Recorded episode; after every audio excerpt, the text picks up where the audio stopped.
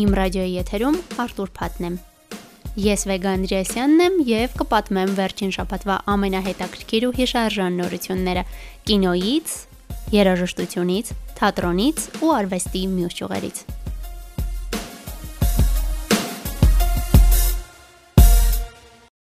Վերջին ամիսների ամենապոպուլյար սերիալը Կաղամարի խաղն այլևս առաջինը չէ Netflix-ում։ Այն երկրորդ հորիզոնական է, այսպես ասած, ճանապարհել սթրիմինգային ծառայության նոր անիմացիոն սերիալը Arcane-ը։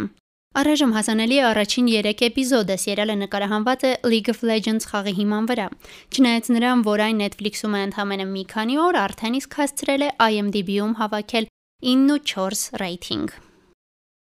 Նախորդ առաջատարի Կաղամարի խաղի ֆիլմի ռեժիսոր եւ սցենարիստ Վան Դոն Հեքը հաստատել է, որ հանդիսատեսին սպասվում է սերիալի շարունակությունը։ Նա նշել է, որ երկրպագուների արձագանքն այնքան լավն էր ու երկրորդ մասի պահանջներն այնքան շատ, որ այս որոշումը չկայացնել չէր կարող։ Շատ մանրամասներ դեռ հայտնի չեն, բայց ռեժիսորը պատասխանել է ամենաշատ տրվող հարցին։ Առաջին սեզոնի գլխավոր հերոսին Սոն Կինհունին նույնպես կտեսնենք երկրորդ մասում։ Այստեղ վերջինիս նոր փորձություններ են սպասվում։ Սերիալի թողարկման նույնիսկ մոտավոր ամսաթիվը ցավոք հայտնի չէ։ Գլխավոր դերակատարներից մեկի Լետիշա Ռայթի առողջական խնդիրների պատճառով ժամանակավորապես դադարեցվել են Marvel-ի Սև հովազի նոր մասի նկարահանումները։ Այժմ Լետիշան վերականգնվում է ֆիլմի նկարահանման ժամանակ ստացած վնասվածքներից, սակայն չնայած այս հանգամանքին ֆիլմի պրեմիերայի ամսաթվի հետ կապված առայժմ փոփոխություններ չեն նախատեսվում։ Այն ցուցադրվելու է 2022 թվականի նոյեմբերի 11-ին։ Հիշեցնեմ, որ 2018-ին թողարկված Սև հովազի առաջին մասը նոմինացվել է Օսկարի 3 անվանակարգում։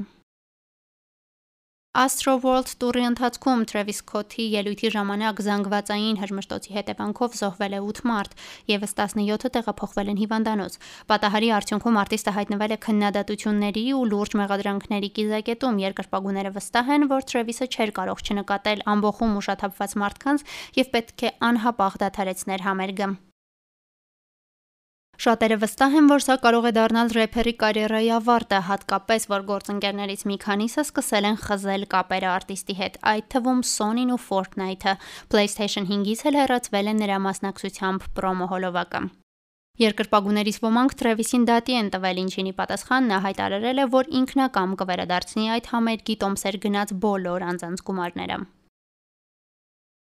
Վան Գոգի ջրաներկով թղթի վրա նկարած ստեղծագործությունը Նյու Յորքում վաճառվել է գրեթե 36 միլիոն դոլարով։ Այսպիսով խոտի դեզերը Պրովանսում նկարը դարձել է հեղինակի թղթի վրա պատկերված ամենաթանկարժեք բնանկարը։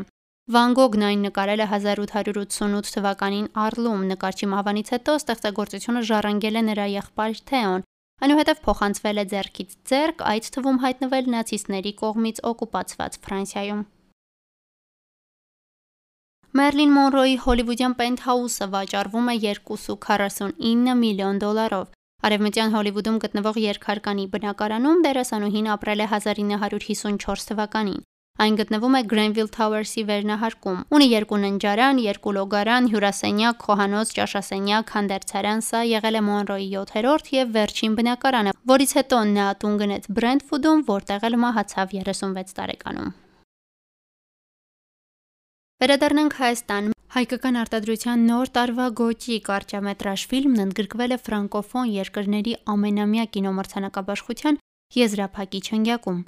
Ֆիլմը նկարահանել է Էդգար Բաղդասարյան Film Production ընկերությունը Հայաստանի ազգային կինոկենտրոնի ֆինանսական աջակցությամբ։ Դեկտեմբերի 4-ին կայանալիք մրցանակաբաշխությանը ռեժիսոր Ալեքսանդր Բաղդասարյանի ֆիլմը նոմինացված է լավագույն կարճամետրաժ ֆիլմ անվանակարգում։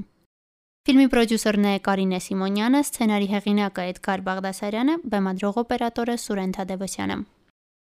Ռուսաստանում Հայաստանի Հանրապետության դեսպանատնից հայտնում են, որ այս Կիրակի նոյեմբերի 14-ին Մոսկվայի Վագանովսկայ գերեզմանատանը, որտեղ հանգչում է ԽՍՀՄ ժողովրդական արտիստ Արմեն Ջիգարխանյանի աճյունը, տեղի կունենա վերջինիս հուշարձանի բացման արարողություն։ Ապագայում նախատեսվում է նաև հուշատախտակ տեղադրել այն տան վրա, որտեղ ապրել է անվանի դերասանը։ Կոնստանտին Օրբելյանի, օպերային երգիչներ Լոուրենս Բրաունլիի եւ Սարա Քոբուրնի մասնակցությամբ տեղի ունեցած Պուրիտաններ օպերայի ձայնագրությունը հերթական անգամ արժանացել է երաժշտական քննադատների բարձր գնահատականին։ Ձայնագրությանն անդրադարձել է նաև հեղինակավոր «Օպերա Նյուզ» ամսագիրը։ Պարբերականը նշել է, որ Օրբելյանը կարողանում է յուրաքանչյուր կատարողի առջև անհատական պահանջներ դնել, միաժամանակ արտիստին տալով ստեղծագործական լիարժեք ազատություն։ Հենց սա է, ըստ ամսագրի, այն կարևոր մասնագիտական գիծը, որով առանձնանում է նշանավոր կոմպոզիտորի երաժշտական ձեռագիրը։ Ձայնագրությունն արվել է ամերիկյան Delos ստուդիայում։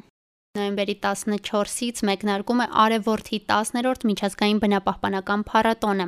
Այն հնարավորություն է տալիս աշխարհի տարբեր երկրներից հետաքրքրված անձանց կարևոր խնդիրների մասին բարձրաձայնել կինոյի լեզվով։ Հենց այս մասին զրուցում ենք փառատոնի տնօրեն Սոնա Քալանթարյանի հետ։ Ողջույն Սոնա։ Ողջույն։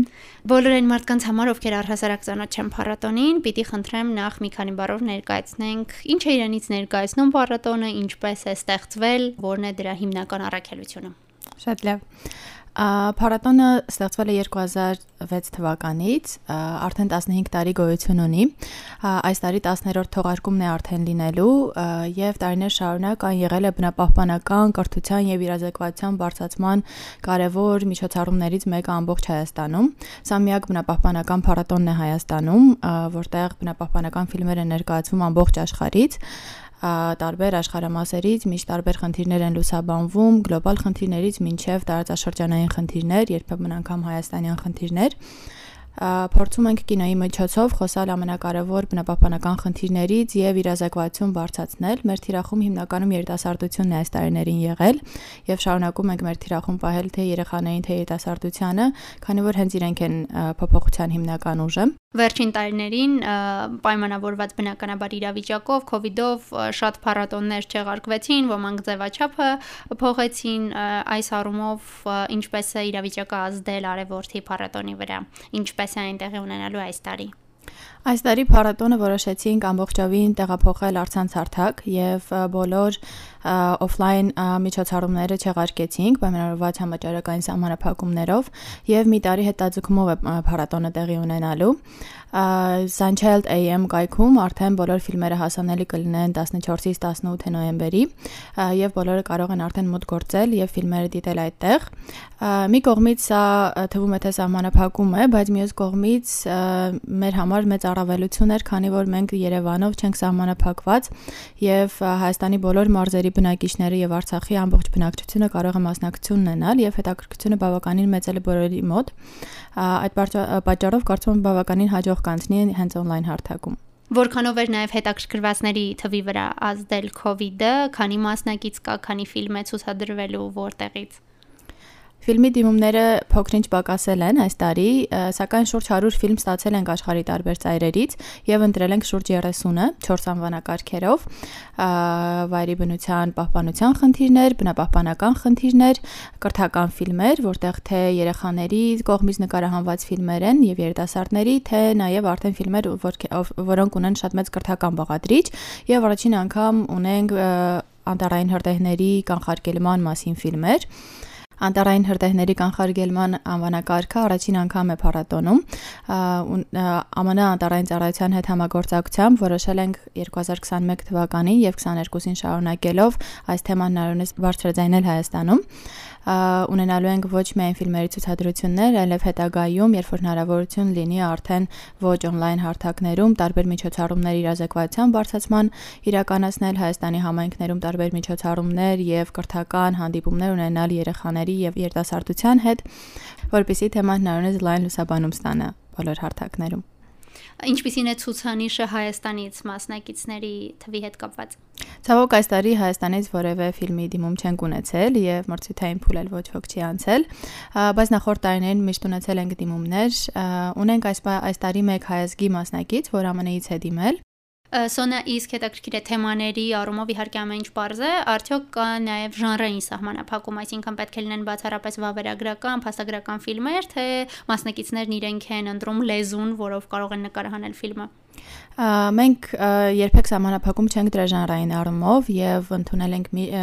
այս տարի եւս ցուցադրվելու են թե վավերագրական ֆիլմեր, թե գեղարվեստական, ունենք նաեւ մուլտֆիլմեր, կրթական ծրագրում ներառված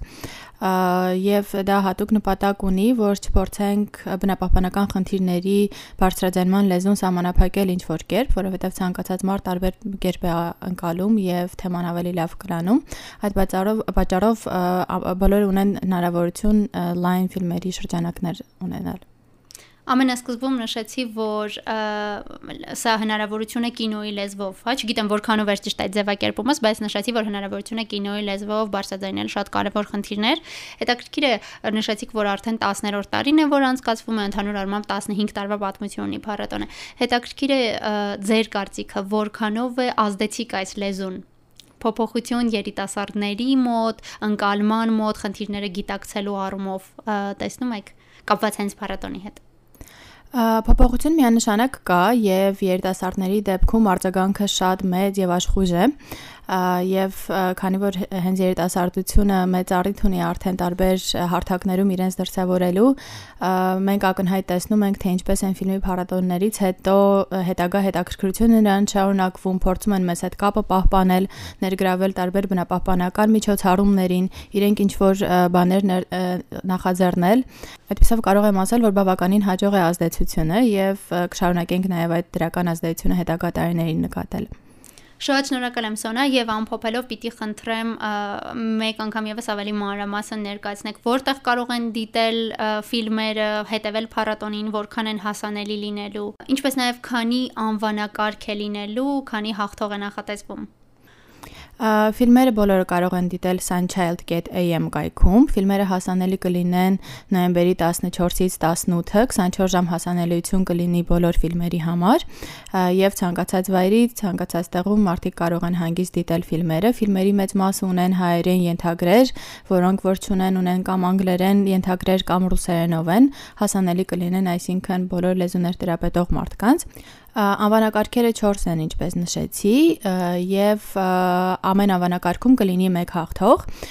Հաղթողները կորոշվեն անկախ ժյուրիի կազմով, ամեն անվանակարգի համար ունենք առանձին ժյուրիների խումբ եւ արդեն ամսի 20-ին փակման արարողությանը, որը նույնպես կլինի on-line, կհայտարարենք հաղթողներին եւ արդեն մրցանակները կհանձնենք նրանց։ Նշեմ նաեւ, որ այս տարի մրցանակները պատրաստվելու են նույնպես երեխաների կողմից, Մկթար Սեբաստացի կրթահամալիրի երեխաներն են պատրաստելու իրենց ձեռքերով եւ իրենց ներգրավվածություն նաեւ այդ կողմով ենք մենք ապահովում։ Շատ լավ Սոնա, շատ շնորհակալ եմ։ Շնորհակալ եմ նաև ձեզ, որ լսեցիք մինչև վերջ։ Ես Վեգա Անդրեասյանն եմ, դուք լսում եք Արտուր Փաթը, կհանդիպենք